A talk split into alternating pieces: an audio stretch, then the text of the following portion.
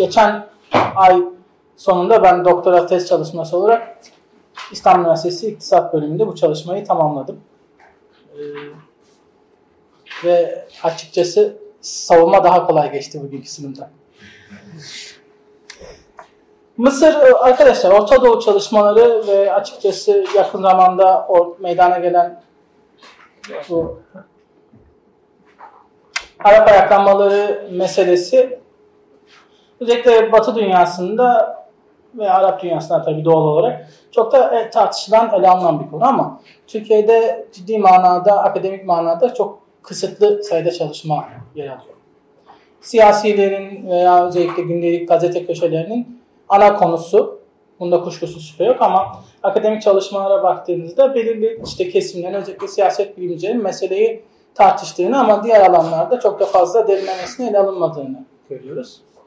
Ben Orta Doğu çalışması aslında akademiye girdiğimiz ilk günden itibaren Orta Doğu'ya dair özel bilgimiz vardı. Belki bu özel bilgide İLEM'in belki de yani İLEM'in büyük bir katkısı var. Farklı düşünme, farklı konuları ele alma. Hem de bizim yakın arkadaş çevresindeki ilgi de bunu gerektiriyordu. Fakat Yunus'un biyo, kısa biyografide söylediği o yüksek lisans tez konusu tarım politikaları biraz da Türkiye Akademisi'nin gerçeği aslında. Belki bunu artık söyleyebiliriz yani. Ben yüksek lisans çalışmamı da Orta Doğu üzerine yapmak istedim ama bölüm buna müsaade etmedi ve o zaman en yine olabilecek işte bir tarım politikası, Türkiye tarım politikalarını çalışmış oldum. Doktoraya geçince biraz daha konuyu seçme şansımız oldu ve Orta Doğu'ya evet, özellikle de Mısır'a yönelmiş olduk. Şimdi Arap ayaklanmaları konusunu ele aldığınızda arkadaşlar özellikle ben iktisat üzerinden bunu okuduğumda farklı ülkeler olmasına rağmen ekonomisi, tarihi, büyüklüğüyle Mısır case çalışması açısından en iyi örnek. Yani Tunus, Libya, Yemen gibi ülkelerde var ama iktisadi açıdan baktığınızda Mısır'ın kendine has bir özelliği var. Özellikle benim düşündüğüm bakış açısından baktığımızda da Mısır aslında biraz daha oturuyor. Belki şunu da söylemek lazım. Diğerlerinde iktisat alakası, alakalı değil mi? Alakalı ama her ülkenin kendisine has bir özelliği var. Yani Libya'daki ayaklanmaları aslında konuştuğunuzda, Libya'daki ortaya çıkan olayları konuştuğumuzda Mısır'la işte ne kadar benzer? Çok ciddi tartışmalı. Tunus'un kendisine has özelliği var. Yemen zaten çok farklı bir dünya. Onun için Arap ayaklanmaları yerine aslında ülke ülke ülke belki örnek örnek bunları ayrı ayrı konuşmak gerekiyor. Şimdi Mısır bizim Akdeniz'in doğusunda aslında büyük bir toprak alanına sahip. Ancak baktığınızda bunun sadece %5'i yaşanabilir ve ekilebilir arazi. Yani 85 milyon 90 milyona yakın aslında bu günümüzdeki nüfusu toplam arazinin %5'ine Nil Vadisi denen bu haritada aslında kesikli çizgiler gibi gözüken o vadi Nil, Nil Nehri'nin etrafına toplanmış bir nüfus söz konusu.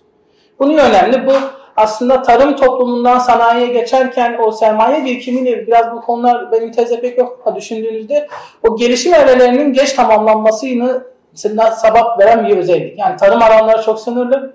Tarım üretilen artık değer çok fazla yok. Bu sizin refah birikimini ve ülkenin genel yoksulluk düzeyini aslında etkileyen bir özellik. Şimdi Mısır'ı ele aldınız arkadaşlar. Ben çalışmayı biraz daha şöyle düşünmek lazım. Benim çalışma baştan e, adını koymak gerekirse 1952 sonrasında yoğunlaşmış durumda. Mısır 1922'de İngilizlerden bağımsızlığını kazanan bir devlet. Ama kralın mevcut kralın 1950'ye kadar 52'ye kadar başta kalan kralın İngiliz olan ilişkisi, İngilizlerin askeri varlığı Mısır'daki aslında tam bir bağımsızlıktan söz etmek de çok mümkün değil. 1922 ile 52 arasında parlamenter monarşi gibi bir siyasal sisteme sahip Mısır. Bu dönemde birinci dönem iktisat politikalar açısından serbest daha çok serbest ticaretle şekillenen bir dönemi içeriyor. İkinci dönem 1952'de e, Cemal Abdülnasır'ın Hür Subaylar devrimi olarak daha sonra isimlendirdikleri bir askeri darbeyle başlıyor. Krala karşı aslında İngilizlere duyulan İngilizlere karşı duyulan tepkinin de bir parçası bu darbe. Bununla birleşiyor. Genç subayların bir araya gelip yaptıkları bu sistem değişikliğiyle monarşi ilk dönemde parlamenter monarşi bir parlamenter cumhuriyet sistemine dönüştürülüyor. Kağıt üzerinde. Daha sonra 1970'te Cemal Abdülnasır'ın ölmesiyle birlikte yeni bir dönem Enver Sedat'ın 70-80 arası başa geçmesiyle şekilleniyor. Ve en son hepinizin bildiği 81'de daha 80'lerin sonunda Sedat'ın öldürülmesiyle birlikte Mübarek başa geçiyor ki Hüsnü Mübarek Sedat'ın yardımcısı ve 30 yıllık bir iktidar süresi 2010 yıldaki ayaklanmalara kadar sürmüş oluyor. Bu dört dönemin iktisat politikaları açısından belki siyasal bir dönemlendirme yaptığınızda alt dönemlere indirgeyebilirsiniz ama iktisat politikaları açısından değerlendirdiğinizde bu dört ana dönem ortaya çıkıyor. Birinci dönem biraz kısaca bahsedeyim ben. Diğer sunumda aslında koymadım ama 1922 ile 52 arası İngilizlerin etkisiyle serbest ticaretin ve liberal iktisat politikalarının etkin olduğu bir dönem. Çünkü Mısır pamuk deposu şeklinde özellikle İngilizlerin tekstil fabrikalarına ham madde sağlayan, pamuk ham maddesi sağlayan bir yapıya sahip. Bu şekilde ham madde pamuk ihracı ya dayanan bir ekonomik sistem ister istemez İngilizlerin etkisiyle serbest açık bir ekonomik sistemi gerektiriyor. Çünkü kapalı korumacı bir yapı kesinlikle İngilizlerin o dönemki üretim yapısına müsaade yani üretim karına çıkarına uygun olmayacak. Kral da buna binaen açık bir ekonomi, İngiliz bankalarının, İngiliz şirketlerinin Mısırlı şirketlerle birlikte faaliyette bulunduğu bir ekonomik yapı 1922 ile 52 arasında Mısır'da geçerli. Aslına baktığınızda son dönemlerde yani askeri darbe, Nasır darbesi öncesinde bu iktisadi politikalarda birazcık halkın tepkisini çekmeye başlıyor. Yani koruma bariyerleri olmadan, sınırlarda gümrükler olmadan pamuk ihracının veya ot serbest olması, diğer İngilizlerin ürettiği imal sanayi ürünlerini rahat bir şekilde Mısır'a verip aslında bir nevi o ticaret açığının yükselmesi yoksulluk bağlamında Mısır'daki tepki toplayan, siyasal özgürlüklerle birlikte tepki toplayan unsurlardan bir tanesi. 1952 dönemine geldiğinizde yani Nasır albay olarak diğer arkadaşlarıyla birlikte askeri darbeyi gerçekleştirdiğinde ilk dönemde bu politikalarda herhangi bir değişiklik yapamıyorlar. Aslında yapmıyorlar değil, burada yapamıyorlar diye ifade etmek lazım. Çünkü Nasır ve arkadaşlar darbe yaptığında iktisadi olarak belli bir hedefi, belli bir politikası olan bir grup değil. Yani açıkçası bir grup asker. Krala karşılar, darbeyle sistemi değiştirmek istiyorlar ve organize olup darbeyi gerçekleştiriyorlar. Yani ülkeye dair çok da fazla uzun dönemli planlardan açıkçası bahsetmek mümkün değil. 52'den sonra bir, bir dönem kısa bir süre bu iktisat politikaları aynen devam ediyor. Zaten Nasır'la birlikte e, Necip'in e, o zaman genel olarak gruba aldıkları Necip'le ve diğer albaylarla birlikteki iç müdahale aslında iç mücadelesi gücü elde toplama süreci de aslında bu iktisat politikalarının aynı kalma dönemiyle eş paralel gidiyor. Yani Nasır devleti ve kendi grubu içerisindeki gücü elinde toplayana kadar çok da fazla yapısal bir değişikliğe gidemiyor. Kendisi 1954'te Cumhurbaşkanı seçildikten sonra ilk Cumhurbaşkanı aslında orada Necip Cumhurbaşkanı seçiliyor. Ondan sonra Cumhurbaşkanı seçildikten sonra yavaş yavaş yapısal olarak Mısır'ın iktisadi sistemine ve politikalarına müdahale etmeye başlıyor. İlk müdahalesi de toprak reformuyla geliyor. Şimdi benim çalışma konum iler biraz daha mübarek dönemi sonrasına yoğunlaştığı için buralar, buralar genelde kısaca değinerek geçtim. Ve burada da belki böyle geçeceğim. Toprak reformunu arkadaşlar 1922 ve öncesinden itibaren alan e, bir test çalışması daha vardı. Yani toprak reformuna biraz daha sınıf sınıfa dayalı bir analize girdiğiniz zaman toprak reformu özellikle değinilmesi gereken bir yer. Büyük ailelerin yani biraz önce size bahsettiğim %5 gibi bir toprak araziye sahip bir ülkede zaten tarımla uğraşan büyük aileler mevcut. Toprağın birçoğu belirli aile gruplarının elinde toplanmış bir yapı ve bu aileler krallığa yakın monarşiyi devam ettiren ve hegemonik bir elitleri oluşturmuş durumdalar. Nasır'ın ilk reformu birazcık da tabii ki darbeyi kendi darbesini devrimleştiren, halkın nezdinde meşrulaştıran, tabana yayan bir reform. Top, ailelerde öncelikle e, şimdi rakam bir anda aklıma gelmiyor. 200 fedan rakam. Onun dönüm karşılığı yaklaşık e, bir rakamla 100 dönüm gibi bir rakama tekabül ediyor sanırım. Veya biraz daha fazla. 200 fedan gibi bir ölçüyle toprak sahipliğini sınırlıyor. Geri kalan toprakları ailelerin elinden alıp daha küçük çiftçiye dağıtıyor. Bu 200 fedan olayı zamanla 50 fedana kadar düşürüyor. 67'ye geldiğimizde artık toprak sahipliği 50 fedana kadar düşmüş durumda oluyor. Yani ilk başlardaki 200 fedandan 50 fedana kadar düştüğü o dönemde asker yani Nasır kendi karşısında duran bir tarıma dayalı bir feodal diyebileceğim bir tür belki ifade tam doğru olmasa da yapıyı dağıtmış oluyor. Toprağı daha çiftçi bazında, daha toplumsal tabana insanlara yaymış. Böylelikle de kendi meşruiyetini halk gözünde de sağlamış oluyor. Bu birinci reformu. İkinci reformu kendi gücünü yine e, devam ettirmeye ilişkili olarak şirketten devletleştirilmesi ve söylemsel olarak kendisini ortaya attığı Arap sosyalizmi konusu.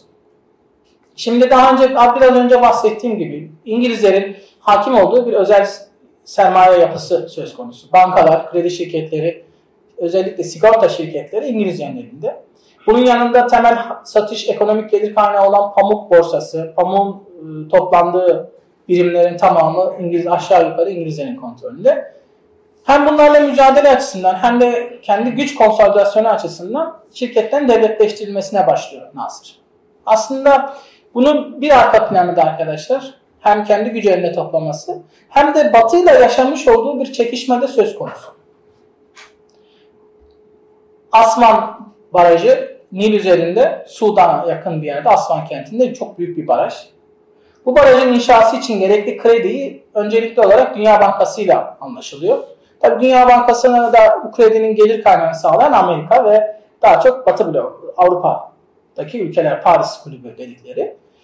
O dönemde Nasır'ın, Nasır'la Amerika arasında yaşanan bir İsrail muhtemelen İsrail çekişmesi üzerine Amerika'nın Nasır'a bu krediyi vermediğini ve geri çektiğini görüyoruz. Nasır bu krediyi kaybedince yani Amerika çekilince Dünya Bankası da bu kredi yatırımı çekince Nasır'ın gelir kaynağı olarak ilk adımını devlet şirketlerin devletleştirilmesine ve Doğu blokuna yanaşması ortaya çıkıyor. İlk tepkisi bankalardan bir kısmının ve sigorta şirketlerinin devletleştirilmesiyle ortaya çıkıyor. Ve kademe olarak 1961'de başladığı bu devletleştirme politikası 1963'te topladığı bir kongrede, parti kongresinde Arap sosyalizmini ilan etmesiyle birlikte tam bir devletçi modele geçiyor. Yalnız buradaki ifade önemli Arap sosyalizmi meselesi. Doğu blokuyla yakınlaşması, zaten daha sonra SSCB'den, Sovyetlerden bu barajın inşası için gerekli krediyi elde ediyor. Yalnız Arap sosyalizmi diyerek Sovyetlerden kendisini yine de ayrı bir konuma oturtuyor Nasır.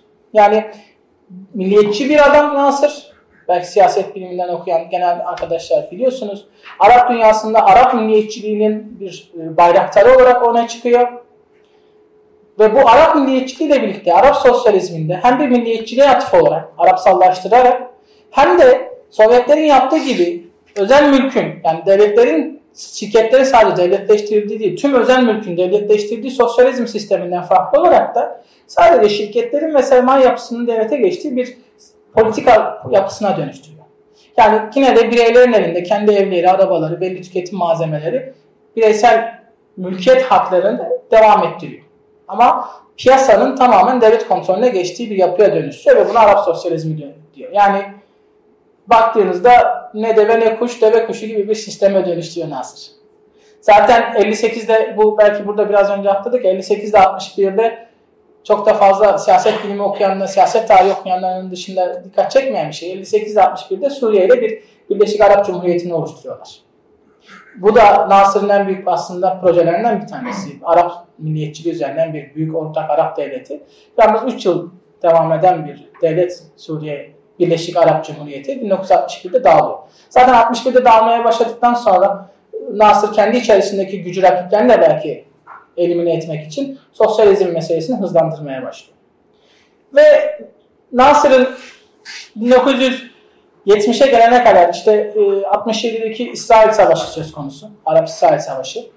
Oradaki yenilgisi hepinizin bildiği üzere ortada. Ben o konuya şu an pek girmeyeceğim. Onun getirmiş olduğu ekonomik maliyet ve bu ekonomik maliyetin karşılanması için de artık tüm kaynakların devletin eline alındığı bir yapı kontrol sistemi getiriyor. Bu savaş ve biraz önceki Asfan Barajı sırasında yaşanan çatışmayla birlikte Nasır dönemi tam bir batıdan uzaklaşma ve Doğu blokuyla işbirliği dönemi olarak şekillenmiş oluyor. Peki tezin ileriki dönemleri, ileriki aşamasında değineceğim meseleyle Nasır döneminin buradaki ilişkisinde şu önemli. 67'de yaşanan İsrail başarısızlığı yani yenilgisi Nasır'ın özellikle Arap devletlerinden ekonomik olarak bir maliyeti karşılama talebine talebinin yükselmesine sebep oluyor. Yani diyor ki ben sizin için savaştım. Filistin'in bağımsızlığı, Filistin davasını ben sizin için yürüttüm, ortaya attım ve bunun bir maliyeti oldu. Bu maliyet karşısında işte Suudi Arabistan ve diğer Arap ülkelerinin karşılaması gerektiğini söylüyor. Ve bununla birlikte bu maliyeti karşılarken de ordunun başarısızlığıyla birlikte yavaş yavaş e, ordunun üretime karıştığını görüyoruz. Yani başarısız, askeri olarak başarısız olan bir ordu Nasır'ın altında siyasal işlere karışmasını belki biraz burayı karikatürize ediyorum ama e, askeri sanayi üzerinden başlayan bir üretim aşamasına geçmiş oluyor. Yani 67'de savaşından sonra özel, kurulan şirketlerle, bazı şirketlerle birlikte Nasır ordu askerin ihtiyacı olan temel silah gibi çünkü dış Sovyetlerle Sovyetler silahlarından başarısı silah üretimi gibi askeri sanayiyle artık asker ticareti daha doğrusu ticaret demeyelim şu an üretim içerisine girmiş durumda. Nasır'ın son dönemi aslında bu açıdan önemli bir başlangıç noktası. İkinci dönem e, e, Nasır'ın ölümüyle birlikte onun başkan yardımcısı olarak seçip başlayan e, siyasi kariyerinde yine bir genel, e, general Sedat başa geçiyor 1970'te. Sedat'ın başa geçmesi aslında tam bir siyasi e, entrikalarla çevrili. Yani siyasi tarih çalışan Mısır için, siyasi tarih çalışanlar için aslında enteresan hikayeli olan bir şey. Yani Sedat'ın kendi güç konsolidasyonu. Çok uzun bir belki belli başlı yani Türkçe'de yapılması için belki dışarıda kaynaklı olmasıyla beraber tek başına bir tez hacimi alacak bir entrika bir mücadele söz konusu Sedat'ta. Çünkü Sedat baktığınızda e, yanlış söylememekle beraber istikam bildiklerinden geliyor. Yani ordunun kilit yerlerinden gelmiyor. Nasır tarafından Cumhurbaşkanı olarak saraya çekilmiş. Saraydaki bağlantıları güçlü olan ama sarayın dışarısında, ordu içerisinde çok güçlü bağlantılar olmayan bir adam. Ve bununla, bundan dolayı da başta kalmak için hem askeri istihbaratın başındaki hem de e, askerin özellikle güvenlik e, birimleri koruma Sar Cumhurbaşkanlığı koruma birliği gibi özel bir birlik var. Onun başındaki komutanla ciddi bir mücadeleye giriş aslında Sedat. Bu mücadele sırasında da bazı ordu mensuplarına tavizler gelmeye başlıyor. Bu noktadan aslında önemli konu. 1973'teki ani bir saldırıyla elde edilen o bir günlük sınırlı İsrail zaferi Sedat'ın gücünün, meşruiyetini kazandırmak için bir araç haline dönüşüyor. Aslında baktığınızda o savaşın ne kadar zafer olduğu tartışmalı.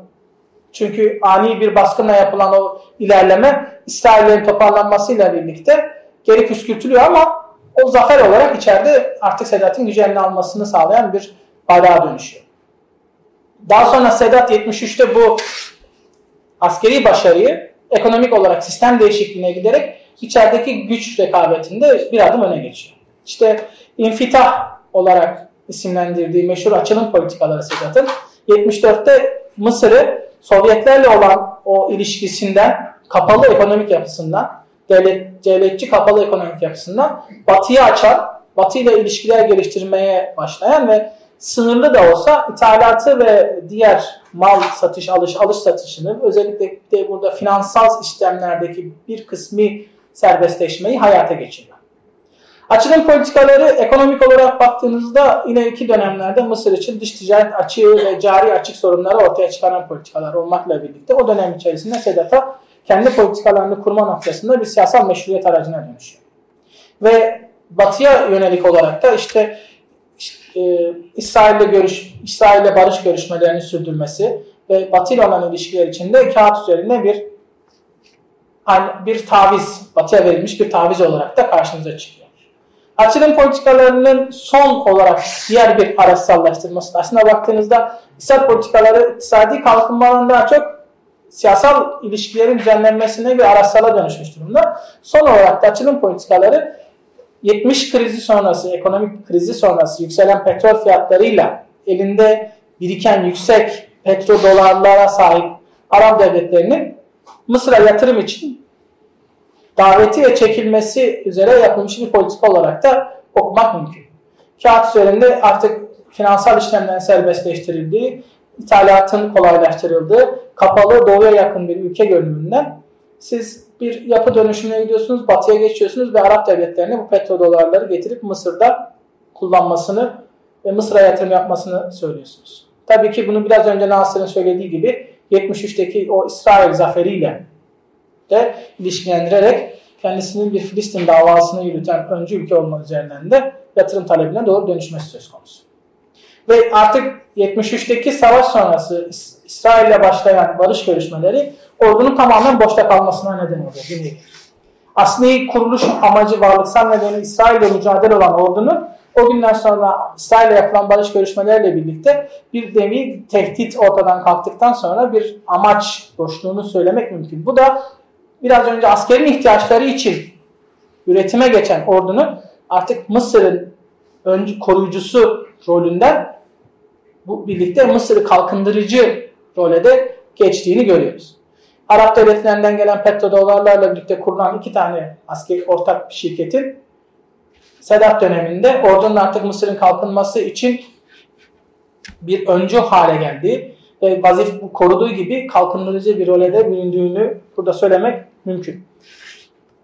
Son dönem arkadaşlar biraz daha çalkantı tabi 30 yıl gibi bir dönem, uzun bir dönem. Çalkantılarla her aslında her 10 yıllık kendi içerisinde çalkantılarla geçen bir dönem, Hüsnü Mübarek dönemi.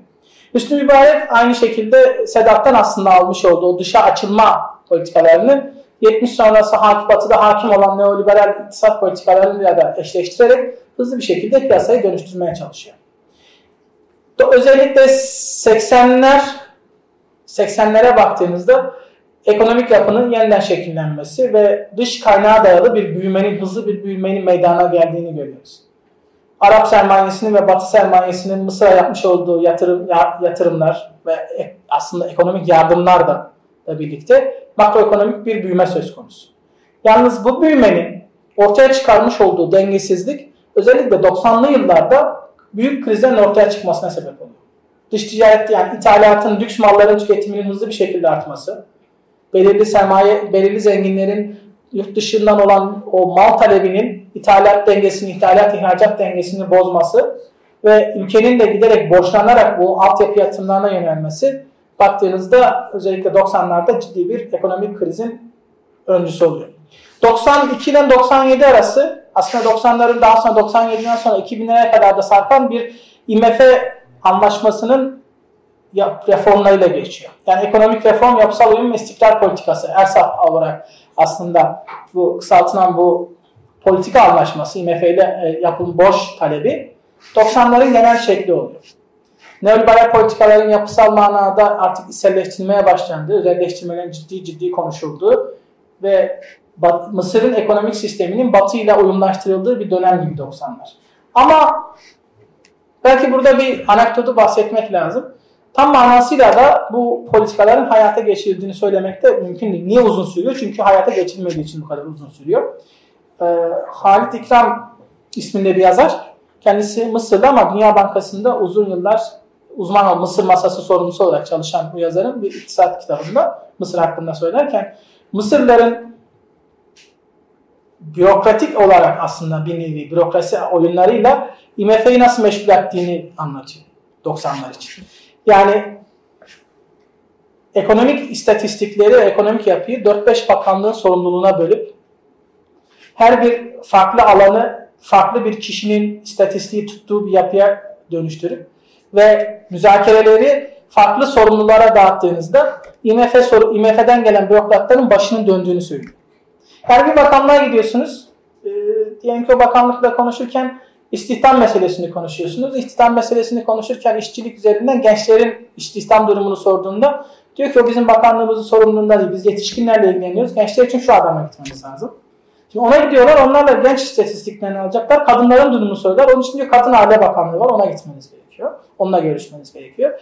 Bu şekilde yani bu müzakere süreçlerinin yıllara yani yıla yayıldığını, yıllara yayıldığını bir anlaşma için, bir istatistik toplamak için bunun IMF'nin e, ve IMF'dekilerin en son pes edip tamam deyip kredi anlaşmalarını imzaladığını, kendisini birebir anekdot, yaşadığı anekdotlardan bahsediyor ve 97'ye gelindiğinde o 2000'lerin başına yapılan yeni anlaşmada IMF'nin anlaşma şart, anlaşma için şartlarından bir tanesinin sadece küçük bir müzakere grubunun sorumlu ilan edilmesi olarak başladığını görüyorsunuz.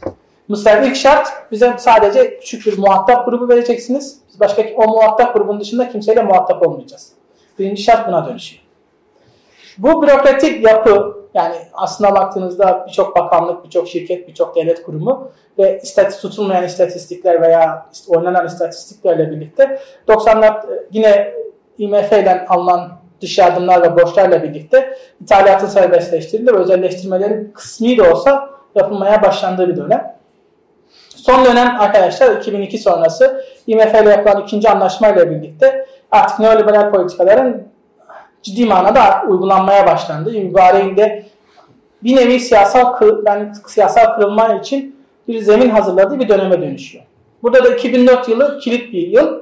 2004 yılında Ahmet Nazif isminde bir başbakanı mübarek göreve geçiyor ve onun oluşturmuş olduğu kabinenin tamamını e, çoğunun veya diyelim e, ya yurt dışı eğitim aldığını ya da iş adamlarından oluştuğunu görüyorsunuz. Birçoğu turizmden e, demir kadar veya gıda üreticisine kadar büyük sanayi şirketlerinin sahiplerinin bakan olarak göreve geldiğini, işte meşhur e, Troskari'ydi sanırım, ismi yanlış ifade ettim. Maliye Bakanı da Amerika doktoralı bir IMF çalışanı, IMF'de çalışmış bir uzman da Maliye Bakanı olarak 2004'te hatta 2010'a kadar ayaklanmalara kadar başta kalıyor.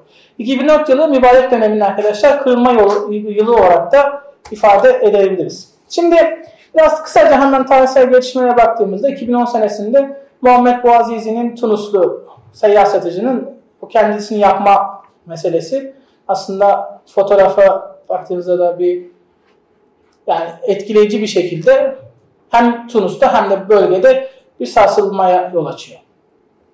Tunus'un kendi şartları içerisinde gelişen olaylar hemen yan, yan tarafında Mısır'da geçmiş oluyor. Burayı biraz bu mesele işte Arap ayaklanmalarının bu şey meselesini açıkçası çok fazla burada değinmeye vakit açısından da gerek yok diye düşünüyorum.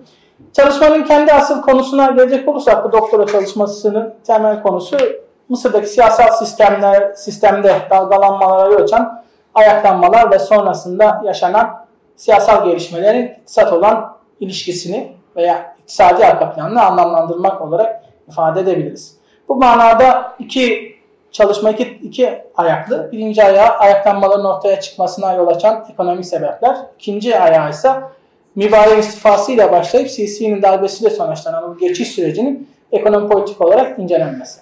Şimdi biraz buralara belki hızlıca değinip geçeyim. Çalışmayı genel olarak kurumsal iktisadi, kurumsal iktisat bakış açısıyla ele alınıyor. Literatürde yarışan, yer alan tartışmalar göz önünde bulunduruyor. Biraz önce girişte söylediğim ekonomik büyüklük siyasal yapısı nedeniyle Mısır örnek olarak seçildi. 52'den sonrasına yoğunlaşmış durumdayız ve askeri darbe sonrası dönem özellikle belki burada da ifade etmek lazım. CC dönemi sonrası iktisadi gelişmelerde çalışma kapsamının dışında. Şimdi iki, ara, iki ayaklı dedim. Birinci ayağı temel olarak ayaklanmalar ortaya çıkaran ekonomik sebepler. Dört tane ekonomik sebebi temelde dört, dört başlık altına toplamış olduk. Birincisi yoksulluk, kalkma ve gelir dağılımı meselesi. İkincisi yüksek işsizlik işçi hareketleri ve üçüncüsü özelleştirmeye duyulan rahatsızlık ve son olarak da hükümet etkinsizliği meselesi. Şimdi özellikle 2000 sonrasına baktığınızda arkadaşlar 2000 sonrasında ekonomik büyüme rakamlarının aslında %4 ortalamanın üzerinde seyrettiğini yani ortalama olarak %4 civarında aslında seyrettiğini söylemek mümkün. Ve bu büyümenin büyük çoğunluğu da iç taleple, iç talebe dayalı bir büyüme söz konusu. Büyüme rakamlarının aslında makroekonomik olarak sadece büyüme rakamlarını ele aldığımızda Mısır, Tunus, Suriye için niye ayaklanmaların meydana geldiği sorusu çok anlamlı bir soru haline gelmiyor. Yani makroekonomik olarak bir ortalama birçok Arap ülkesinde 2000 sonrası %5, %6 civarında bir büyüme söz konusu. Ancak büyümenin kaynağına indiğimizde yani ekonomik büyümenin nasıl meydana geldiğini soruşturduğunuzda aslında iktisadi sorunların yapısal meselelere dayandığını görüyorsunuz. Dış, dış kaynaklı, borca dayanan ve sıcak paraya sıcak para diyebileceğimiz genel topluma yayılmış yatırımlardan daha çok hizmet gibi, finans sektörü gibi sektörlerde giriş çıkan, girip çıkan paralarla dayanan bir iktisadi büyümenin ortaya çıktığını söylemek mümkün. Renkler orada karşı. Bu büyük sütunlar iş talep, gri sütunlar yatırımlar, çizgi grafiği de milli gelirdeki yüzdelik büyüme oranı. Tabii. Bir cümleyle belki kurumsal iktisat yaklaşık. Onu biraz daha o ikinci kısımla ilişkili. O ikinci kısım dedik bu ayaklama, ekonomik yapının mevcut durumuyla ilişkili bu. Şimdi biraz sonra var mı o? Şurada varmış. Tamam. Yoksullukla ilişkili aslında baktığınızda temel sıkıntı yoksullukla ilişkili. Yani makroekonomik olarak Mısır'da bir gelişmeden söz etmek mümkün. Makroekonomik olarak Mısır büyüyor. Bazı cari özellikle cari açıkta bazı gelişmeler de söz konusu ama yoksulluk durumuna baktığınız zaman özellikle 2005 ile 2010 arasında son 5 yıl içerisinde ciddi bozulmaların meydana geldiğini görüyorsunuz. Yani toplam bozulmalara baktığınızda yoksul kişi oranının %19,5'tan %25'e, yoksulluk açığının o, o 3.6'dan 4.8'e çıktığını görüyorsunuz. Bu yoksulluk açığı karesi denen, poverty gap square denen istatistik ise özellikle yoksulluk yoksul grupların içerisindeki gelir dağılımı bozukluğunu gösteriyor. Yani alt yoksul var, orta gelir durumu var. Bunların kendi arasındaki gelir dağılımının ne kadar bozuk olduğuna gösteriyor. Bu da baktığınızda bu istatistiğinde birden 1.4'e çıktığını görüyorsunuz 2010'da. Bu bozulma özellikle kent kısmında daha yüksek. Yani kentte şey 40 kırda Kentte %10'dan %12'ye 12.8'e çıkan yoksul kişi oranının Kırda 26.8'den 32.7'ye çıktığını görüyorsunuz. Gini kat sayısına baktığınız zaman gelir dağılımı, gelir eşitsizliğini gösteren Gini kat sayısına baktığınızda ise aslında hesaplamalar yetersiz olsa da Gini kat sayısının 2000'lerden itibaren aşağı yönlü seyrettiğini görmek mümkün.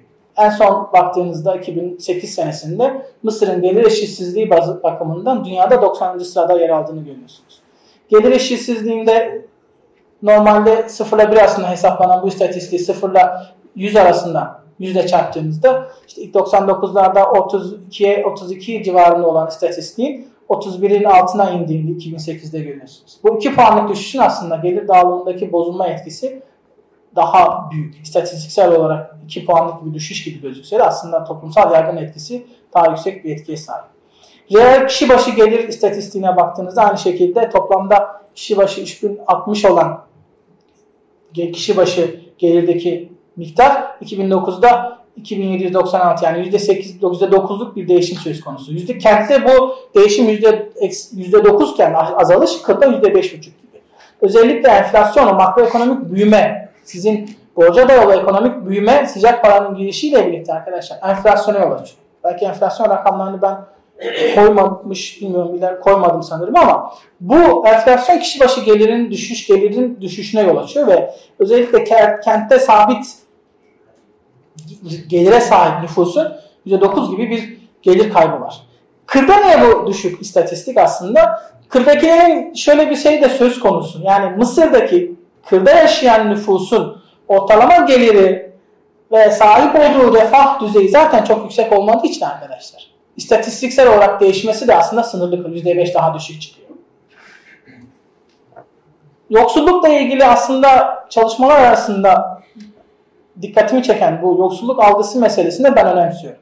Dünya Bankası'nın yapmış olduğu bir iki farklı çalışmalarda Mısır'daki reel yoksulluğun halkın gözünde artışın yani reelden daha fazla olduğu özetle söylemek gerekirse yani halk kendisinin herhangi bir reel kaybı olmasa da, gelir kaybı meydana gelmese de son 5 yıl içerisinde özellikle 2005'ten 2010'a geldiğinde veya özellikle 2008'de yapılmış bir çalışma bu. 2000 sonrası reel olarak fakirleştiği algısına sahip.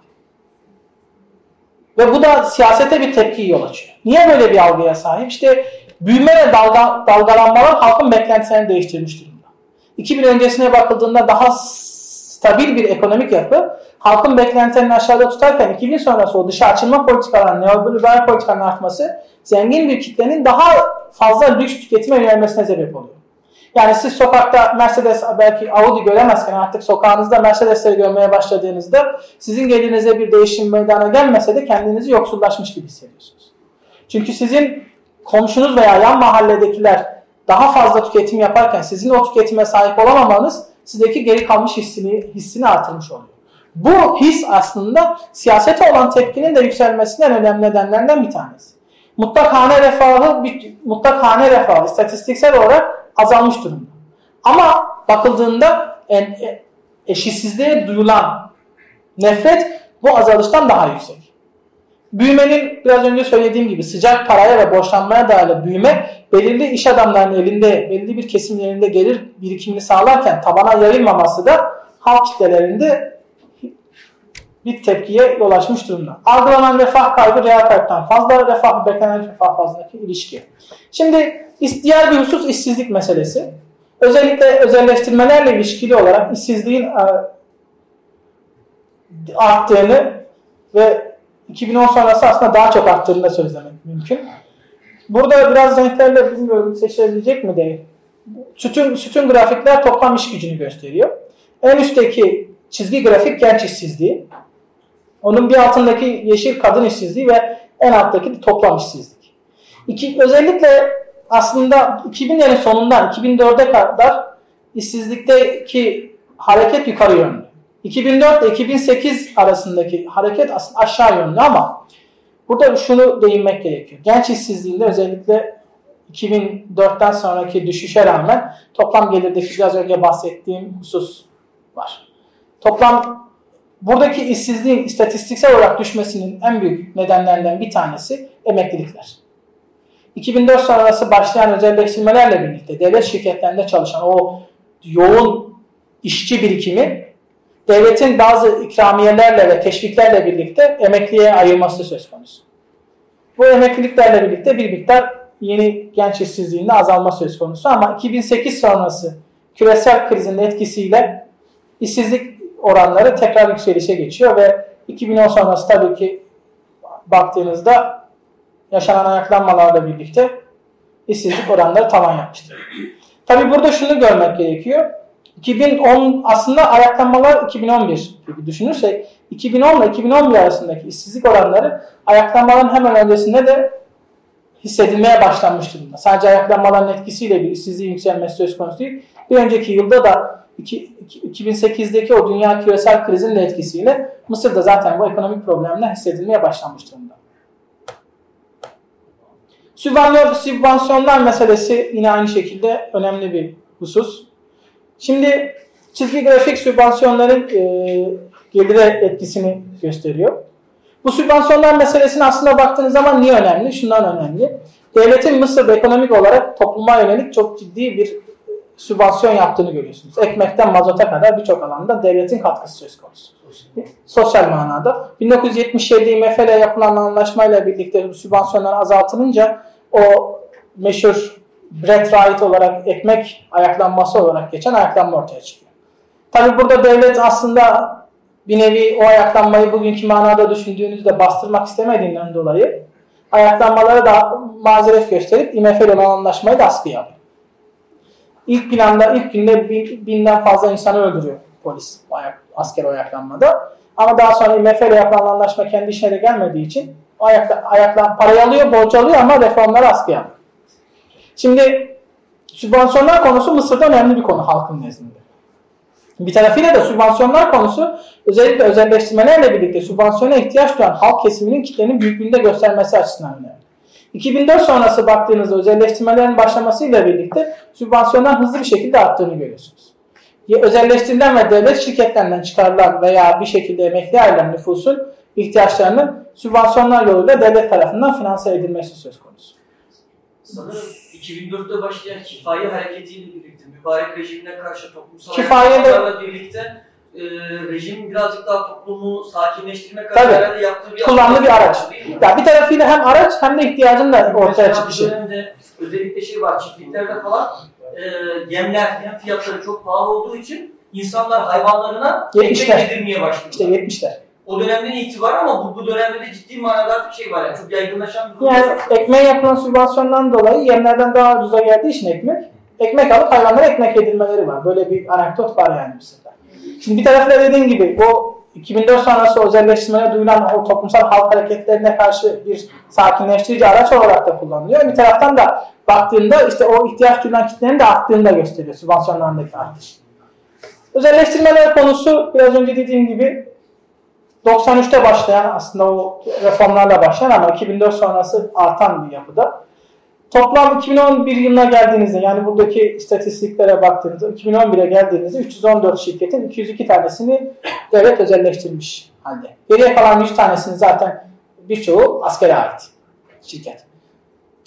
Kendisine ait olan şirketler işte gübre şirketlerinden çimento bankalara kadar yavaş yavaş özleş, özelleştirilmeye başlıyor. 2003, 2003 yılında 132 şirket, çoğunluk hissesi 50 şirket, 57 şirkette kısmi olarak satış yapılıyor. Bundan bir kısmı borsada satış yapıyor. Bir, işte 132'si de çoğunluk olarak devredilmiş oluyor. Bu istatistikler biraz yani göstergelerden bir tanesi. Burayı çok fazla isterseniz derinlemesine girmeyeyim. Birçok Dünya Bankası'nın hazırlamış olduğu governance, yönetişim olarak Türkçe'ye çevrilen governance, yönetimle ilişkili endekslerinin Mısır'da giderek kötüye gitmesi söz konusu. Yani işte siyasi istikrar, hukuk, hesap verebilirlik, düzenleme kalitesi, hükümet etkinliği, yolsuzluk kontrolü gibi hususlar Mısır'da özellikle 2000 sonrası mübarek döneminde giderek bozuluyor. Şimdi ikinci kısım demokrasi özellikle işte mübarek istifası ve destek'e geçiş denemesi olarak benim adlandırdığım bu dönemle ilişkili analize dayanıyor. Bu kısımda daha çok aslında kurumsal iktisadın temel varsayımlarından yola, yola çıkmış oluyoruz. Yani kurumsal iktisat ben burada tabii şeyi koymadım. Belki onu ben biraz daha değinmiş olsaydık iyi olabilirdi. Teorik şeyi fazla sıkmasın diye teori koymadım ama hiç teori hiç teori yok. Şimdi kurumsal iktisat temelde arkadaşlar Veblen'le başlayan Batı Amerika'da iki, iki dünya savaşı arasında ciddi olarak ana akım iktisadına eleştirel eleştiriler getiren ve kurumlar kurumlar olarak da hem fiziki devlet kurumları gibi kurumları hem de ahlak ve etik kuralları gibi normları içeren ve bu kurumların iktisadi hayatı etkilediğine dair genel olarak söylemek gerekirse iktisadi düşünce. 1945 sonrasına bakıldığında o yaşanan neoliberal iktisad, neoklasik iktisadın, neoliberal diyorum ağız alışkanlığı, neoklasik iktisadın kurumsala vermiş olduğu cevaplarla cevaplara karşı cevap üretemedikten sonra popülaritesini kaybetmiş durumda. Temelde. Daha sonra 1970'lerden itibaren yine neoklasik iktisad, ne, neoklasiklerle Keynes'lerin o kriz döneminde neoklasiklerin bazı yöntemsel araçlarını kullanmaya başlayan, işte Douglas North Douglas North'un öncülüğünü yaptığı e, Commons gibi, Mitchell gibi isimlerin ortaya çıktığı yeni kurumsal iktisat söz konusu. Yeni kurumsal iktisat neoklasik, ne, e, neoklasik iktisadın temel bazı varsayımlarını alıp ampirik çalışmalarıyla birlikte modellerini alıp bunların kurumlar bağlamında değerlendirerek iktisadi ilişkileri tanımlamaya çalışıyor ve neoklasik iktisadı aslında eleştirirken ondan da faydalanmış oluyor. Ben çalışmada temel olarak kurumsal iktisat bakış açısını kullanmışken aslında özelde direkt olarak bir, bir yöntem ve bir bakış açısını kullandım. Douglas North geleneğinden de gelen aslında oradaki farklı geleneklerden gelen Douglas North geleneğinden gelen Daron Hocamoğlu'nun e, geliştirdiği siyasal sistemlerin dönüşümüne dair geliştirdiği Douglas North da James Douglas'ın ikisinin geliştirdiği bir bakış açısı üzerinden aslında yorumlamaya çalıştı. Yani daha sonra bu çalışmaların ilerletildiğinde farklı bakış açılarıyla yani aslında kurumsalın kendi içerisinde de farklı bakış açılarıyla farklı okuma yapmaları mümkün.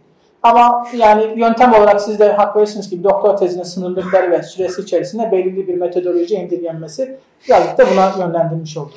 Şimdi çalışmanın aslında temel birkaç tane varsayım var. Bunlardan bir tanesi çalışmanın bir çatışmacı yaklaşım olması. Yani sürekli çalış bir çatışmadan, genellikle de elitler ve halk arasındaki bir çatışmadan bahsediyorsunuz ve bu çatışmanın aslında hem iktisadi çıkarı hem de politik sistemi yönlen şekillendirmesinden bahsediyorsunuz. Ve e, ikinci aslında birinci yaklaşımdan üstteki bahsettiğim her şeyin ekonomi temelli olduğu yaklaşım. Yani hem bireylerin hem de kurumların bazı kararlar hem siyasi kararlar hem de diğer kararları alırken ekonomi temelli bir karar aldığı sayımı söz konusu. Tüm kararların ekonomik çıkarları sağlanması amaçlı alındığını varsayıyorsunuz. Toplumu iki gruptan oluşturuyorsunuz. Elitler ve halk olarak.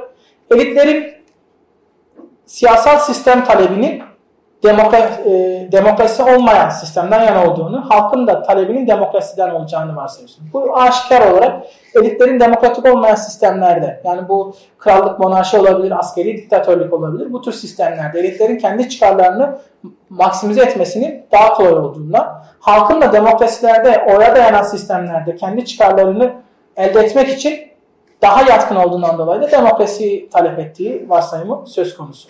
Şimdi teorik olarak aslında sadece şu tablo bütün teorik detay içerisinde buradaki ilişki ağı temel yaklaşımı gösteriyor. Bu yaklaşımda iki tane siyasal güçten bahsetmek söz konusu. Birincisi dejür, ikincisi de defakto güç yaklaşımı. Defakto güç arkadaşlar gücün kendisinden kaynaklı, gücün kendisine dayandığı yapı. Yani örnek direkt olarak arkadaşlar ordu burada söylemek mümkün. Çünkü ordu kendi gücünü elinden tutmuş olduğu silaha ve direkt olarak fiziki güce dayandırıyor. Dejir güç de arkadaşlar geçici güç manasında belirli bir dayanağı olan gücü ifade ediyor. Örneğin bugün Türkiye'deki AK Parti iktidarının sahip olduğu siyasal güç dejir güçtür. Niye? Güç seçime dayalıdır. Seçimler yenilendiğinde seçim, o gücü kaybetme veya sürdürme riskine sahip. Seçimlerde kazanamadığında gücü de elden gitmiş oluyor. Bu tür geçici güce de, güce, güce de dejür güç diyoruz. Şimdi bu güç yapısını bulduktan sonra aşağıdaki ilişkiye baktığımız arkadaşlar tersten ilişkinin ters tarafından yani solundan geriye doğru gelecek olursa temel yaklaşım kurumsal iktisadın arkadaşlar ekonomik performansın yani ekonomik çıktının özetle ekonomik kurumlardan oluştuğunu söylüyor. Yani sizin iyi ekonomik kurumlarınız varsa ekonomik büyümeniz ve ekonomik çıktığınız da iyi olacaktır. Peki soru burada şu. Aslında Acemoğlu'nun ve o arkadaşlarının katmış olduğu katkı da burada biraz şu. Ekonomik kurumlar nasıl kuruluyor? Tamam ekonomik kurumlar olduğunda ekonomik büyüme meydana geliyor ama ekonomik kurumları kuran şey ne? Bu ekonomik kurumları kuran iradenin de arkadaşlar politik kurumlar olduğunu burada söylüyor. Yani sizin eğer iyi politik kurumlarınız varsa bu politik kurumlar gerekli bu ekonomik kurumları kuracaktır ve bu da sonucunda ekonomik çıktının ortaya gelmesini, meydana gelmesini sağlayacaktır. Ekonomik kurumları şey, peki politik kurumları kuran irade nedir? İşte burada defakto ve dejür güç yapısı ortaya çıkıyor. T zamanında yani şu anki sıfır zeminde diyecek olursa defakto gücü elinde tutan grup kendi çıkarları bağlamında politik kurumları oluşturacaktır. Peki bu politik kurumlar oluştururken neye göre oluşturulacak? Burada işte arkadaşlar soru şu. Ekonomik dağılım. Hemen en bana göre sol size göre sağ taraftaki sonuca geldiğimizde T artı bir dönemindeki kaynakların dağılımı bir nevi defakto gücün dağılımına da sebebiyet vereceği için yani bugün ekonomik güce sahip olan elitler veya halk kendisi silahı satın alabilme veya silahlı güçleri kiralayabilme yetkisiyle defakto gücü ele geçirme potansiyeli olacağından dolayı T artı bir dönemindeki kaynak dağılımı etkilemek için T dönemindeki politik kurumları şekillendirmek isteyecektir. Eğer elitler T döneminde defakto güce sahipse T artı bir döneminde yani bir sonraki dönemde de kendi politik güçlerini ellerinde bulundurabilmek için Buna uygun politik kurumları, bunun sonucundaki ekonomik kurumları ve kaynak dağılımını ortaya çıkaracak yapıyı kuracaklardır.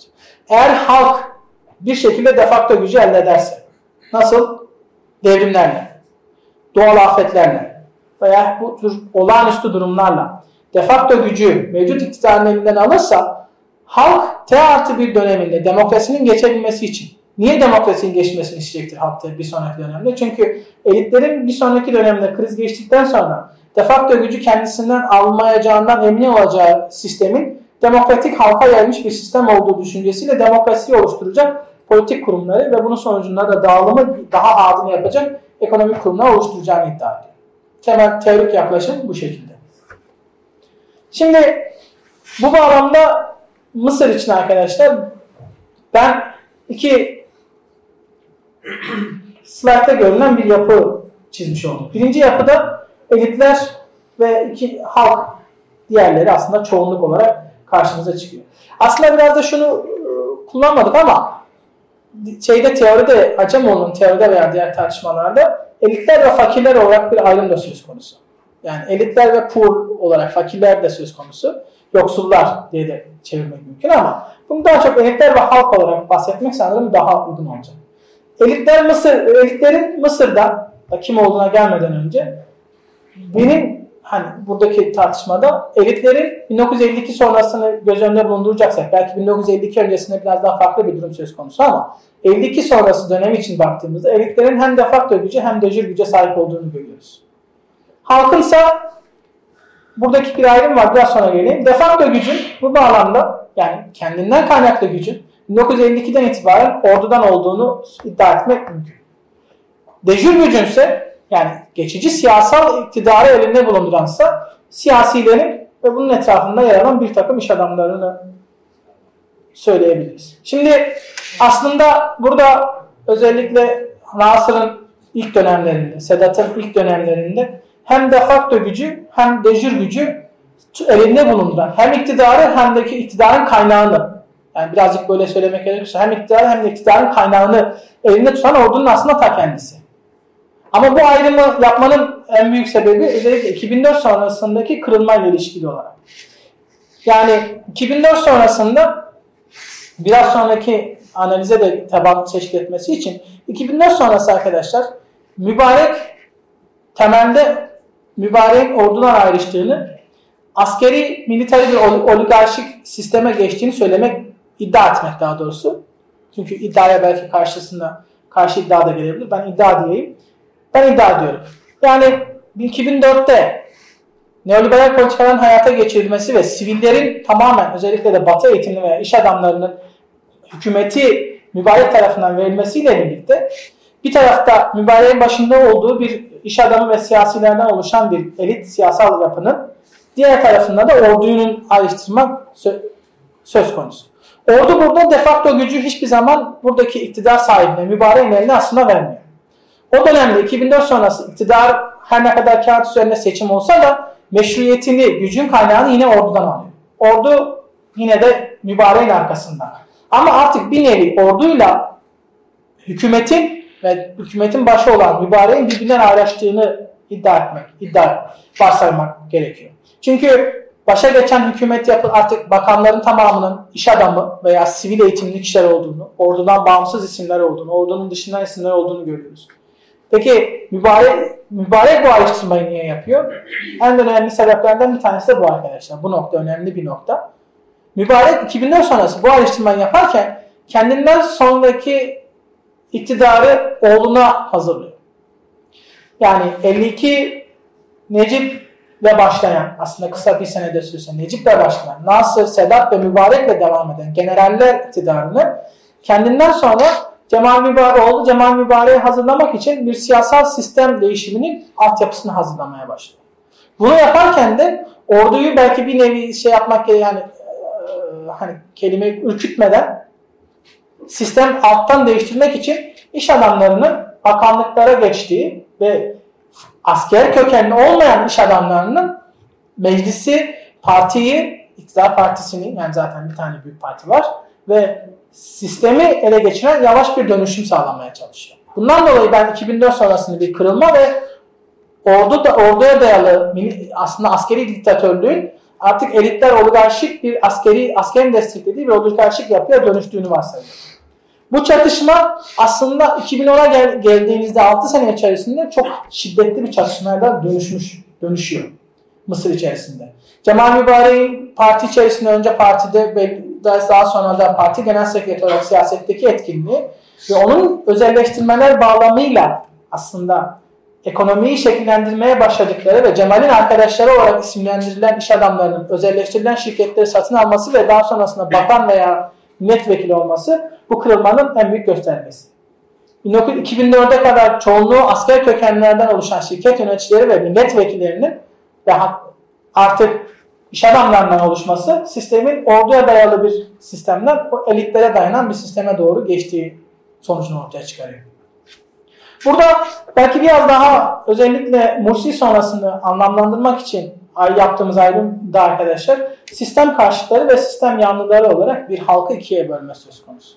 Yani buradaki isimlendirmeyi de, yaparken aslında farklı isimlendirmeler de ortaya çıkmıştı ama sistemi Mısır'ın askeri o 50'lerden itibaren gelişen sistemi olarak kabul ederseniz bu sistemin karşısında Müslüman kardeşler yerleştirmek, sistem yanlarında solcular, liberaller, selefiler, e, belki bunun alt grupları olarak Eser işte akademiyası ve bu ekibi yerleştirmek mümkün.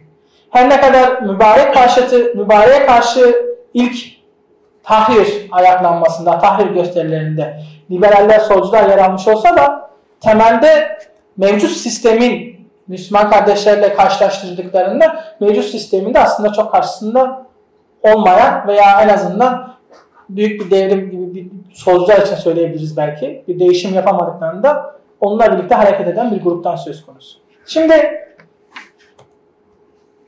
burada iki tane resim söz konusu. Bunlar biraz daha. Birincisi işte bu Rabia Meydanı'ndaki yaşananlar. Burası da Tahrir. Sol en üstteki resim Tahrir Meydanı'nda mübareğe karşı olanlar ve alttaki üç tane resim ise bu karşıtlığın aslında göstermek için kullandığımız görsellik e, Mursi'ye karşı Tahrir'de yapılan ikinci protesto gösterilerinden. Bu kesim yani solcular, liberaller ve selefilerin Mursi iktidarıyla birlikte Mursi'ye karşı bir ayaklanması söz konusu. Peki bununla bu ayrışmayı biraz sonra değineceğim. Burası da Rabia ile ilişkili. Mursi, ordunun Rabia meydanında yani Tahrir meydanında soldaki üstteki resim bayrak olan resim bana göre soldaki en üst köşedeki resim bayraklı. Tahrir meydandaki birinci gösteriler daha sonraki ikinci gösterilerde buradaki karşılaştırdığımız şeylerden bir tanesi benim en büyük dikkat çekmek istediğim şey ordunun müdahale, müdahalesi. Yani Tahrir meydanında ordunun şu sağ alt soldaki bu. Şu resim arkadaşlar Tahrir meydanında e, mübarek istifası sonrası çekilmiş bir fotoğraf. Burada şunu göster söylemek mümkün. Ordu belki biraz sonra söyleyeceğim şeyi şimdi söylemek gerekirse ordu Tahrir meydanında toplanan kalabalıklara mübarek karşı protestolarda herhangi bir müdahalede bulunmuyor. Mübarek istifasını 18. günüydü. 18 gün sonra istifa ediyor sanırım. İstifasını verdikten sonra o gün Askeri Yüksek Konsey başa geçtiğinde Tantavi Başkanlığında ordu Tahrir Meydanı'nı kapatıp protestoculara dağıtmış oldu. Ve Rabia Meydanı'nda ordunun darbesine karşı aynı slayttaki diğer resimlerde toplanan hepinizin bildiği, yakinen o dönemi bildiği Rabia Meydanı'nda ise 5000 kişiye yakın insan ölümü pahasına ordunun oradaki protestoları bastırması söz konusu. Aslında buradaki ordunun mübareğin yanında yer alması durumunda tahrir, tahririn ne kadar başarı şansı olduğunda tartışmalı olduğunu düşünüyorum. Yani bir Suriye olur muydu? Bilmiyorum. Belki tarihsel olarak bunu konuşmak zor. Ama mübarek istifa etmezdi gibi böyle iddialı bir şey de belki söyleyebilirim. Tezde bunu söylemedim ama çünkü keşkeler, if, ifler bunları söylemek pek mümkün değil ama asker polisi engellemeseydi, burada polisi engellemesi söz konusu arkadaşlar. İskenderiye'de veya diğer küçük şehirlerde sınırlı müdahalesi olsa da askerin polisle halkın arasına girip İçişleri Bakanlığı'na bağlı çünkü polis protestolara karşı müdahaleyi engellemesi söz konusu. Bunun en büyük sebebi de 2004 sonrası biraz önce size bahsetmiş olduğum Mübareğin Cemal Mübareği oğlunu iktidara hazırlamasına karşı duyulan rahatsızlık. Mübareğe karşı zaten ordunun duymuş olduğu bir kin ve nefret aslında bir nevi büyük bir iddialı şeklinde kelimelerle söyleyecek olursak 2010 senesindeki ayaklamalarla birlikte fırsata dönüşüyor. Bu yapı biraz basit bir oyun karar ağacı. İktisatçı arkadaşlar için tanıdık bir gösterim. Belki ilahiyatçı arkadaşlar için yeni bir şey. Bu karar ağacı arkadaşlar biz hiç görmedik tabii. Basit bir aslında oyun teorisi mikro iktisadın o temel konularından bir tanesi olan duyduğunuz oyun teorisini karar ağacı olarak ifade eden stratejileri gösterdiği ve stratejiler sonucunda ortaya çıkabilecek e, ol, e, mümkün sonuçların olduğu yapı. Şimdi burada arkadaşlar ben en üstten başlayacak olsam belki ayağa kalkıp söylesem hızlı bir şekilde daha iyi geçecek. Çok yukarıdaymış. Şimdi en üstte arkadaşlar elitler 0. Şimdi en üstte görüyorsunuz belki görünüyor mu okunuyor mu? Alfa 0, X, X, XT 0 diye en üst köşedeki yapı söz konusu. Şimdi bu yapı ben şöyle karşıdan bakayım. En üstte elitlerin yer aldığı o sıfır konumu, sıfır zamanı arkadaşlar. Elitlerin iktidarda yer aldığı ama güçlü bir ordunun yer almadığı dönemi ifade ediyor. Elitlerin burada, şimdi oyun dediğimiz şey arkadaşlar, strateji gelişti. Strateji, karar alma ve bu kararın sonucunda ortaya çıkacak sonuçlara dayalı bir sistem.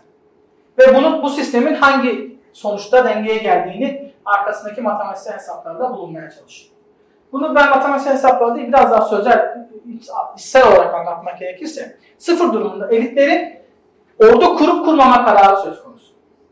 Eğer bu oyunda elitler ordu kurmazsa halkın talebini bastıramayacaklarından dolayı hemen birinci kararda bir sonraki T bir dönemde sistemin demokrasiye geçiş, geçeceğini varsayıyoruz. Elitler kendi iktidarlarını sürdürmek için güçlü bir ordu kurma kararı alırlarsa hemen ordunun yer aldığı bir karar aşamasına geliyor. O evler güçlü bir ordu kuruyor. Şimdi siz orduyu kurduğunuz zaman iktidardaki yapı olarak ordunun kontrolünü her ne kadar siz kurmuş olsanız da tam manasıyla yapmaz mümkün değil. Artık silahlı bir güç var. Ve bu güç kendinden dayalı, kendine dayalı bir e, gücü aslında bu güç ifadesi kendine dayalı bir iradesi olmaya başlıyor. Ve burada ordunun arkadaşlar aldığı iki tane karar, alması gereken iki karar ortaya çıkıyor. Birinci karar darbe kararı. Sizin kurmuş olduğunuz ordu yani sizin iktidarınıza karşı bir darbe kararı alabilir. Darbe kararı alırsa, darbe başarılı olursa askeri bir diktatörlüğe dönüşmüş olur. Askerin artık başa geçtiği bir diktatörlüğü, military meyle gösterdiğimiz bir siyasal sistem. Başarısız bir darbe olursa bu aynı şekilde elitleri ortadan kaldıracağı için halkın halka karşı başarısız bir darbenin demokratik bir sistemle sonuçlanacağını varsayıyor. Ordu darbe yapmama kararı alabilir. Darbeye bulaşmama kararı alabilir. Darbeye bulaşmadığında alması gereken ikinci bir karar daha karar daha söz konusu. Birinci karar elitlerin lehine baskı yapma, ikincisi de yapmama kararı. Ordu darbe yapmadı ama elitlerin lehine halka karşı bir baskılama uygulayacak mı uygulamayacak mı? Baskı yaparsa baskının başarılı veya başarısız olma durumu. Baskı yapmama kararı alırsın.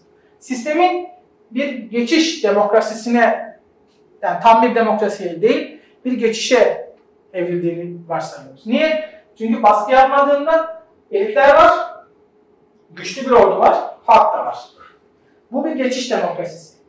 Tam bir demokrasi durumu söz konusu değil. Baskı yaptığındaysa başarının baskının başarılı olması durumuna göre elitler iktidarı, başarısız olması durumuna göre yine bir geçiş demokrasi durumu söz konusu. İkinci karar ağacı aslında şuradan da devam edilebilecek bir durum.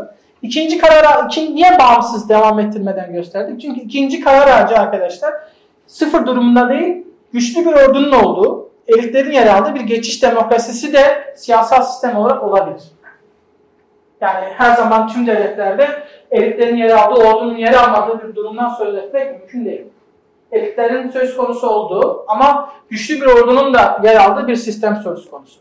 Bu sistemde de ordu yine biraz öncekine benzer bir şekilde darbe yapmazsa geçiş demokrasisinde sistemin demokrasiye evrildiğini, darbe kararında da başarılı olursa askeri diktatörlüğe, başarısız olursa da yine demokrasiye geçmesi durumu söz konusu. Mısır'da bu karar ağacı nasıl oturuyor arkadaşlar? Mısır'da bu karar ağacı aslında 2004 senesindeki ayrışmaya dayanıyor. Yani 2004 senesine kadar birisi e, herhangi biri veya ben de şunu iddia edebiliriz. Yani ordunun yer aldığı iktidarda her ne kadar sivil bir görünüm olsa da askeri bir diktatörlük vardır demek mümkün. Kağıt üzerinde bir seçim olsa da ordu mensuplarının yer aldığı bir sistem. Ama 2004 yılındaki biraz önce söylemiş olduğum bu özelleştirmeler ve mübareğin oğlu Cemal için gerçekleştirdiği o alttan dönüşüm amacı orduyla ayrışmasına ve bir nevi sivil zaten iktidara gelmesiyle birlikte o güçlü bir ordunun yer aldığı Ama elitlerin iktidarda olduğu karar ağacının ikinci aşaması gibi bir başlangıç T dönemi böyle bir başlangıç dönemine dönüşüyor. Ordunun 2004 yılında mübareğin IMF'ye dayalı olarak almış olduğu o sivilleştirme kararına karşı aslında bir nevi iki tane karar alma durumu var. Yani eğer 2004 senesinde o sivilleşen hükümet ve özelleştirme politikalarına karşı ordu darbe yapabilir miydi? Yapabilirdi. O dönem içerisinde. Yani bir karar oradan geldiğini varsayıyoruz. Ve bu karar içerisinde ordunun darbe yapmama kararı aldı. Niye darbe yapmama kararı aldı? Her ne kadar 2004 senesinde 2004 senesinde bir dönüşüm başlamış olsa da askerin ciddi manada ekonomik olarak yapısı, gücü devam ediyordu. Şirketleri devam ediyordu. Ve mübarek bu geçişi yaparken aslında yapmış olduğu siyasal bazı seçimlerdeki reformlarla birlikte örneğin 2005 yılında meclisin seçmiş olduğu Cumhurbaşkanlığı halk seçimine getirerek bazı reformlarla birlikte taban içerisinde tabanda bir nevi bir miktar desteği söz konusu. Ordunun 2004 senesinde darbe yapmama kararı aldığını ve sistemin aslında geçiş demokrasisi haline geldiğini ve 2010'a kadar devam ettiğini görüyoruz. Şimdi 2010 senesinde iş burada başlıyor. Mübarek 2010 senesinde ordunun iki tane karar vermesi gerekiyordu. Yani halka ayaklanması meydana geldi. Bunu ister ekonomik sebeplere, aslında ekonomik sebeplerin tabanını hazırladığı bölgesel konjonktürün ortaya çıkardığı ayaklanmalar diye söylemek mümkün. Bu ayaklanmalarla birlikte orada iki tane karar almak zorundaydı 2010 yılında. Baskı yapacak, ayaklanmaları bastıracak ve sistem bir devam edecek ya da baskı yapmayacak, sistemin geçişine müsaade edecek ve bir nevi o geçiş demokrasisine gelme. Ve ordunun burada baskı yapmadığını görüyoruz. Çünkü eğer baskı yapmış olsaydı biraz önce size resimde biraz önce anlattığım gibi mübareğin başta kalma ve elitler iktidarının sürme ihtimali söz konusu. Yalnız ordunun mübareğe karşı duymuş olduğu o tepki ve nefret baskı yapmama kararını ortaya çıkarıyor. Peki burada şunu söylemek mümkün. Niye darbeyi 2010 senesinde yapmadı? 2010 yılında darbe yapmama meselesinde arkadaşlar orada aslında şeyler var. Darbenin başarılı olma ihtimali ihtimaller var. İhtimaller üzerinden. 2010 senesine geldiğiniz arkadaşlar muhalefetin bir bütün olarak aslında tahrir meydanında toplandığını görüyorsunuz.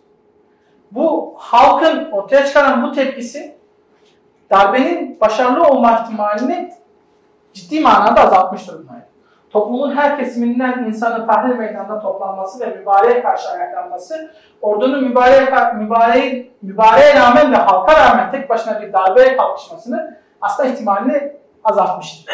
Bundan dolayı o dönemde darbe yapmadığını ve karar olarak da baskı kararı almadığını görüyoruz. Ve T döneminde aslında T artı bir dönemine geçebiliriz. Yani T döneminde mübareğe karşı bir mübarek lehine baskı yapmama kararı var. Mürsiye karşı tepkiyi artırıp tahrir meydandaki ikinci ayaklanmalar ortaya çıkarak darbe başa darbenin başarılı olma ihtimalini yükselttiğini görüyorsunuz. Muhalefetin o bütün bölünmüş yapısı Mısır'da ordunun gücü tamamen demokrasiye ve halka devretmesinin önüne geçiyor. Ve bu T bir döneminde ordu artık halkın da bölünmüş, muhalefetin o bölünmüş yapısından da faydalanarak darbe kararı aldığını ve darbenin de zaten başarılı bir darbeyle sonuçlanıp şu anki geldiğimiz dönemde durumun tamamen askeri bir diktatörlük haline 1952'de başlayan aslında 2004 durumunda bir nevi üstü kapalı bir sistem dönüşümü olsa da devam eden askerli, askeri diktatörlüğün artık yani tekrardan Mısır'da hayat bulduğunu veya bir nevi raydan çıkan trenin raya tekrar oturtulduğunu söylemek mümkün. Burada son olarak gerekirse yani ordunun niye bu kadar zahmete katlandığını anlamak için bu tablo arkadaşlar ordunun sahip olduğu şirketlerden en görünenleri.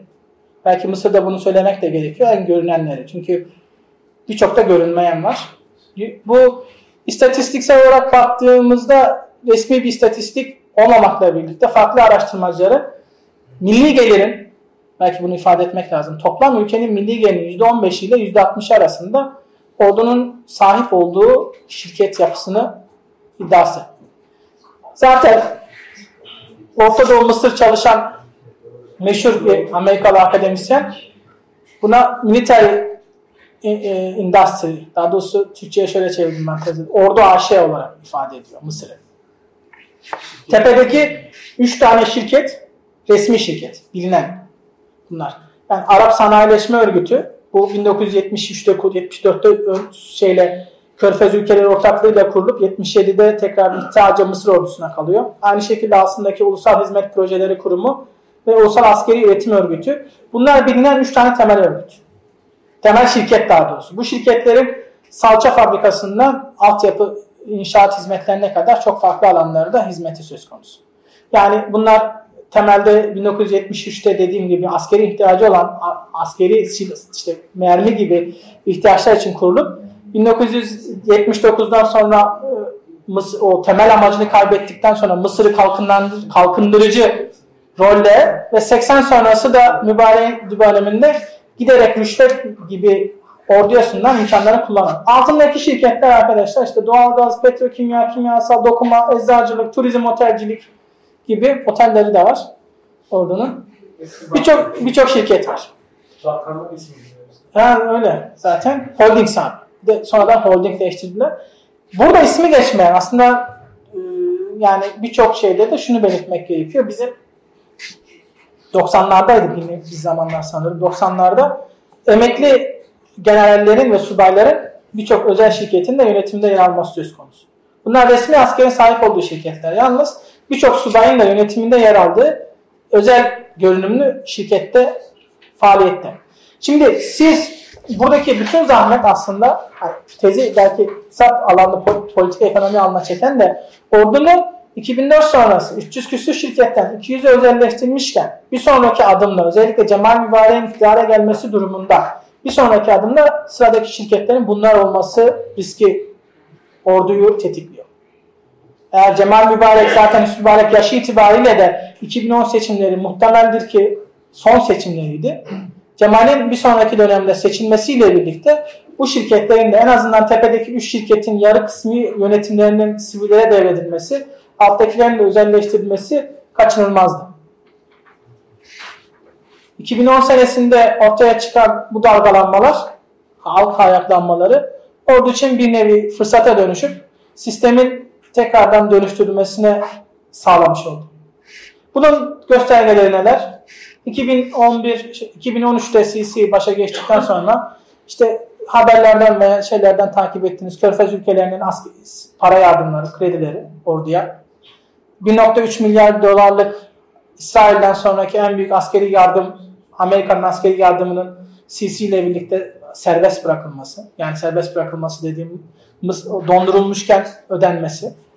İşte 9 milyar dolarlık Süveyş kanalına yapılan ek ek projesinin askeri şirketlerden e, sanırım bu ikincisi Ulusal Hizmet Projeleri Kurumu'nun yap, NSPO yaptı onu.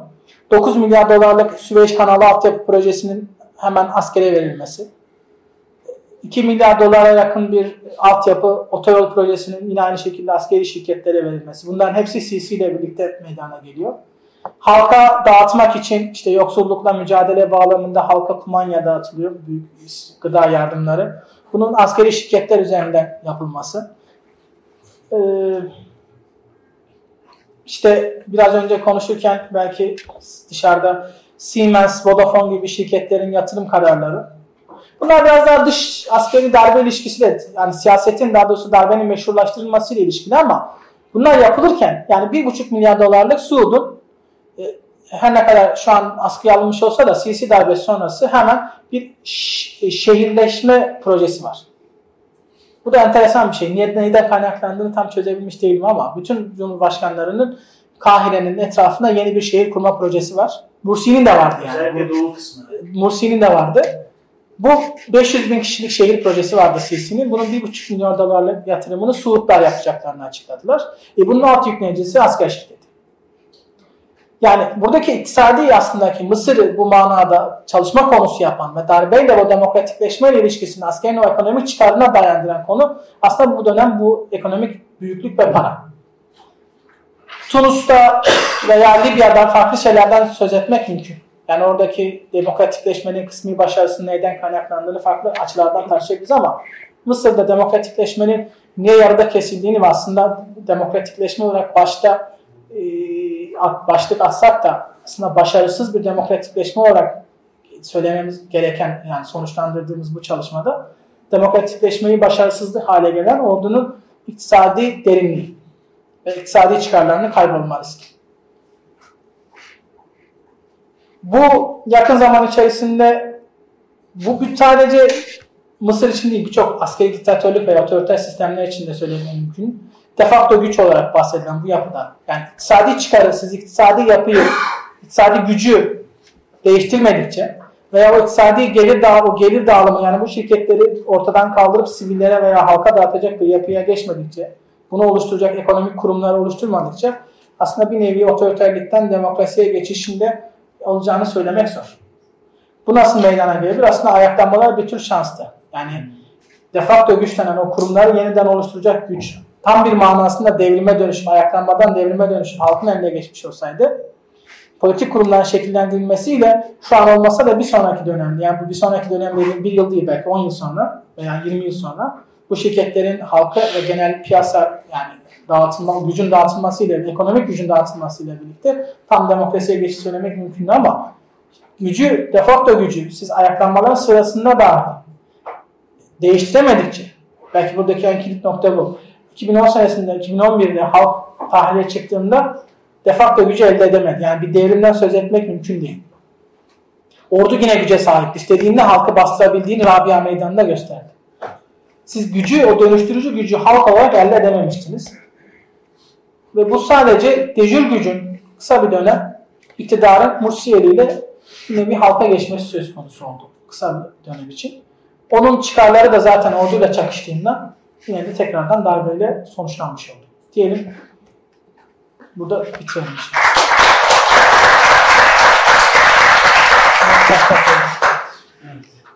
Kaç dakika? Bayağı olmuş. Savunmalar bu kadar sorun mu? Sav savunma bu kadar abi. Evet şimdi Savunmada hocanın bir tanesi özellikle şey böyle dışarıdan gelen hoca geç daha geç geç. yani şey serbest soruları alalım. Yani tartışma. Soru kalmadı yani. Soru cevap faslını da yedi hocam. Şey. Soru cevap faslını da kullandım ki soru gelmesin diye abi zorlamayın beni diye. Yani tartışma vesaire mevzusu varsa hani abi Sonra tarih ediyorsun yani.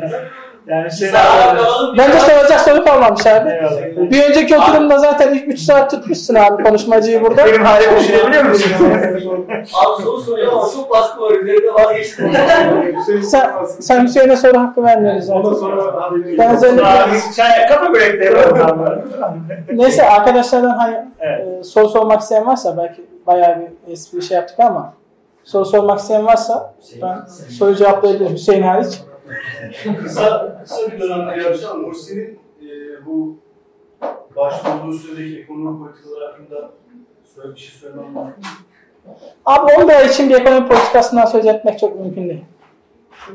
Yani on- 11 ayda şöyle söyleyeyim e, o ayda bir ciddi manada bir sermaye, acil sermaye ihtiyacı vardı. Bunun için işte Türkiye'den, Katar'dan 1 milyar dolar gibi bir yardım alabildi. Çin'le görüşmelerde yaptı ama istediği acil sermayeyi bulamadı. Yani temel işte çöp, temel işte memurların maaşı, çöplerin toplanması gibi parası için bulamadı parayı. Nasıl? Mursi'nin Ekonomi e, vizyonu ver. ekonomik politikaları neydi? Ne yazıyor? Parti programı. Hı, parti programında. Parti programında ne yazıyordu? Güzel bir soru.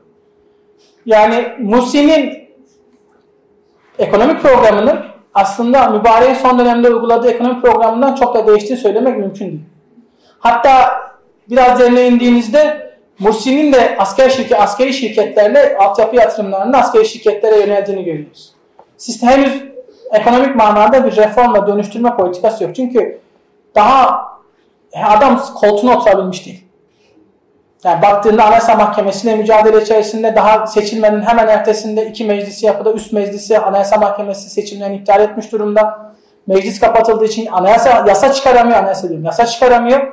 Yani böyle bir çatışma içerisinde zaten ekonomik genel bir sistemsel politikalara geçmesi biraz zor gözüküyor. Sanırım şeyin etkisi var burada. Yani çok uzun yıllar boyunca muhalefette yer almış olması, muhalefetin siyasetini yürütmekle birlikte iktidar tecrübesine sahip olmaması da aslında nitelikli ve spesifik e, politika vizyonu, ekonomik politika vizyonu gerçekleştirmesini engellemekteydi. Ben öyle bir eleştiriye şimdi girmek de istemiyorum. Çünkü şeyi bilemiyoruz hakikaten. Yani siz gücü ipi elinize alamadan ipi atı nereye yönlendireceğinizi bilemiyorsunuz. Güç elinizdeydi. Yani şeyi biliyorsun sen o ilk 100 gün programını e, çöplerin toplanmasının noktasına dahi siz memurlarınızı çalıştıramıyorsunuz. Temel bir ekonomi politikasından bahsetmek o manada zor. Genellikle mevcudu sürdürmek en akılcı olarak gözüküyor ve Mursi de mevcutu mübarek politikalarını devam ettiriyor. Şey, şey gitmişti abi. Şey. Bu tezde sübvansiyondan kastım transfer harcamaları. Trans, transfer harcamaları. Yani ama orada transfer harcamaları biraz daha teknik olarak sigorta gibi harcamalar için içine giriyor ya. Burada daha çok sübvansiyon da ayrılıyor. Yani ekmek ücretlerine yapılan destekler, ekmeğe yapılan destekler, mazota yapılan destekler onlar sübvansiyon olarak. Suud'un burada sadece Mısır'ı desteklemesinde ekonomik çıkar söz konusu ya da siyasal yani Suud o kadar çok destekliyor. Sadece politik. Ben, ben, ben az önce şeyden sen var mıydın? Dışarıda arkadaşlarla otururken dedik konuşmanın sonunda gelecek yine bu dış müdahale meselesine olay dönüşecek bu dışarı şeye. Dış abi su dış mihraklar meselesi abi. Dış mihrak, dış mihraklara çok fazla girmedim çalışmada onu söyleyeyim. Genel şey olarak söylersem Suud'un iktidarı desteklemesi iktisadi çıkardan kaynaklanmıyor. Tamamen siyasal beklenti.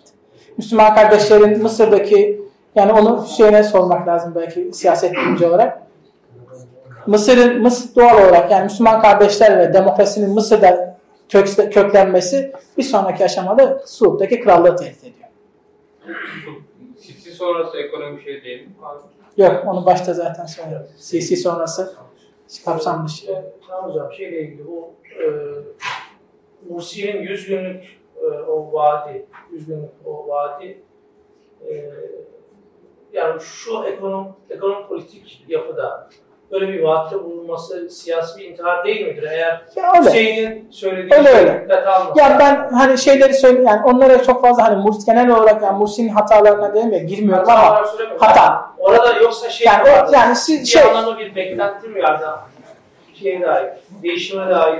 ya o değişim halkın tabii ki ister istemez siyasal değişim olunca ortaya çıkan bir her şey bir anda güllük gülistanlık olacak beklentisi varken siz de çıkıp yani elinizde iktidarı daha siyasal gücü elinize alamamışken 100 gün içerisinde en kilit sorunları çözeceğinizin iddiası Hüseyin'in bahsettiği biraz siyasi acemiliğe dayanıyor. Yani birçok alanda daha dediğim gibi yasa çıkaracak meclis yokken, meclisi Anayasa Mahkemesi iptal etmişken e, sizin bir anda 100 günlük iddialarla çıkmanız halkın size karşı ayaklanmasına aslında çanak tutmuş oluyor.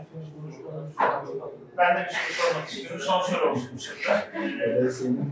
Şöyle yani e, bu Mısır'ın o dönemden dediniz ya başta dört dönem e, ayırdınız ya. Orada biraz hani Türkiye'ye benzer bir tablonun az çok tarihsel üç aşağı beş yukarı olmasında neye bağlıyız? Yani İslam dünyasındaki ya da bu bölgedeki yani planlı dönem benziyor. Ya gibi bunu 60'lı yıllar- İslam dünyası veya 80 sonrası diyor yani dünyadaki bir küresel Dünya şey, küresel- bir şey. Şimdi İslam dünyası veya bölgesel ülkelerin geçmiş olduğu tecrübe olarak söylemeye gerek yok. Bu direkt gelişmekten olan ülkelerin yaşamış olduğu ekonomik dalgalanma. Yani 1930 şey 1945 sonrası, İkinci Dünya Savaşı sonrası özellikle Avrupa'da ve diğer gelişim 1929 krizi, küresel krizle birlikte e, Keynesyen devletçi politikalar hayata geçti. E, Soğuk Savaş döneminde zaten temelde baktığınızda iki kutuplu bir dünya. Bir tarafta Sovyetler merkezi e, sosyalist bir devletler söz konusu. Tüm özel mülkiyetin ve planlamanın planlanan tam manasıyla uygulandığı bir yapı söz konusu. Bir tarafta da Batı devleti, kapitalist devletler var. E, gelişmekte ülkeler ya Sovyetler blokunda ya Batı blokuna yakın duruyor doğal olarak. E, Batı blokunda Sovyetleri geçelim. Mısır çünkü hiçbir zaman tam manasıyla sosyalist bir devlet olmadı. E, Batı blokunda yer alan ülkelerin de iktisadi temel ana akımdan etkilendiğini söylüyorsun. Yani 1900 sonrası devletçi politikalar. 70'lere gelene kadar bu planda politikalar söz konusu. 70'lerde genel bir korumacılık tüm gelişmekte olan ülkelerde yaygınlaşıyor. İthal ikamecilik Türkiye'de de var, Mısır'da da var, Suriye'de de var, diğer ülkelerde de var. Bunlar etkileniyor. 90'lara geldiğinizde artık özellikle 90'lara geldiğinizde küreselleşmeyle birlikte muhtemelen o küreselleşmenin bilgi ağının paranın kolay akışıyla birlikte dış açılma politikaları daha ha hakim haline geliyor. 80'lerde başlıyor Türkiye'de bu.